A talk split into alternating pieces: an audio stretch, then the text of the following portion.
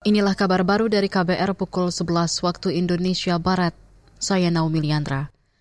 Presiden Joko Widodo dan Ibu Negara Iriana meninjau kegiatan belajar mengajar di SMK Negeri 2 Kabupaten Bengkulu Tengah, Provinsi Bengkulu.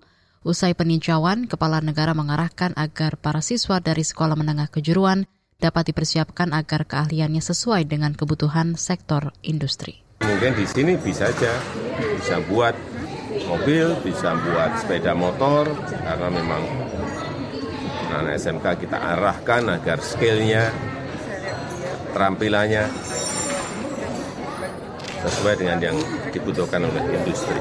Maupun nanti kalau mau wirausaha akan lebih baik ya. Presiden Jokowi mendorong pembangunan koneksi antara sekolah dengan industri. Tujuannya agar keterampilan siswa dapat memenuhi kebutuhan industri. Saat peninjauan, Presiden dan Ibu Iriana melihat aktivitas pembelajaran di jurusan teknik sepeda motor dan teknik kendaraan ringan. Presiden menilai fasilitas pembelajaran siswa masih kurang memadai. Karena itu ia mendorong siswa untuk praktik penambahan kendaraan, baik yang berbahan bakar fosil maupun listrik. Saudara pemerintah mengungkap sejumlah provinsi dan kabupaten hingga kini masih belum membentuk tim terpadu penanganan konflik sosial.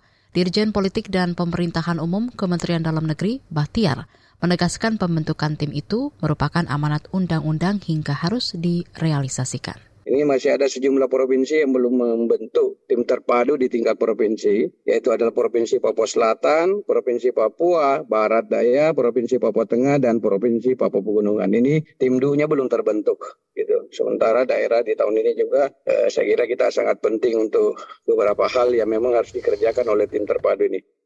Dirjen Politik dan Pemerintahan Umum Kementerian Dalam Negeri Bahtiar merinci salah satu wilayah yang belum membentuk tim terpadu penanganan konflik sosial adalah Papua. Di antaranya Kabupaten Jayawijaya, Nabire, Puncak Jaya, Kirom, Mamberamo Raya, Nduga, dan Kabupaten Intan Jaya.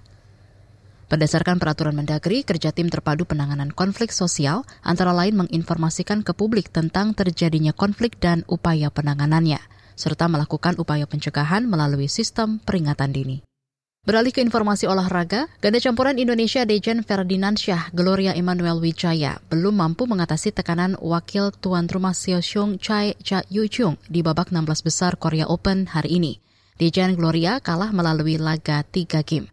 Gloria dalam keterangan tertulis PBSI mengakui dirinya belum memberikan penampilan terbaik saat menghadapi pasangan Korea Selatan tersebut. Sementara itu Dejan mengatakan ganda campuran Seo Chai bermain bagus di hadapan publik sendiri.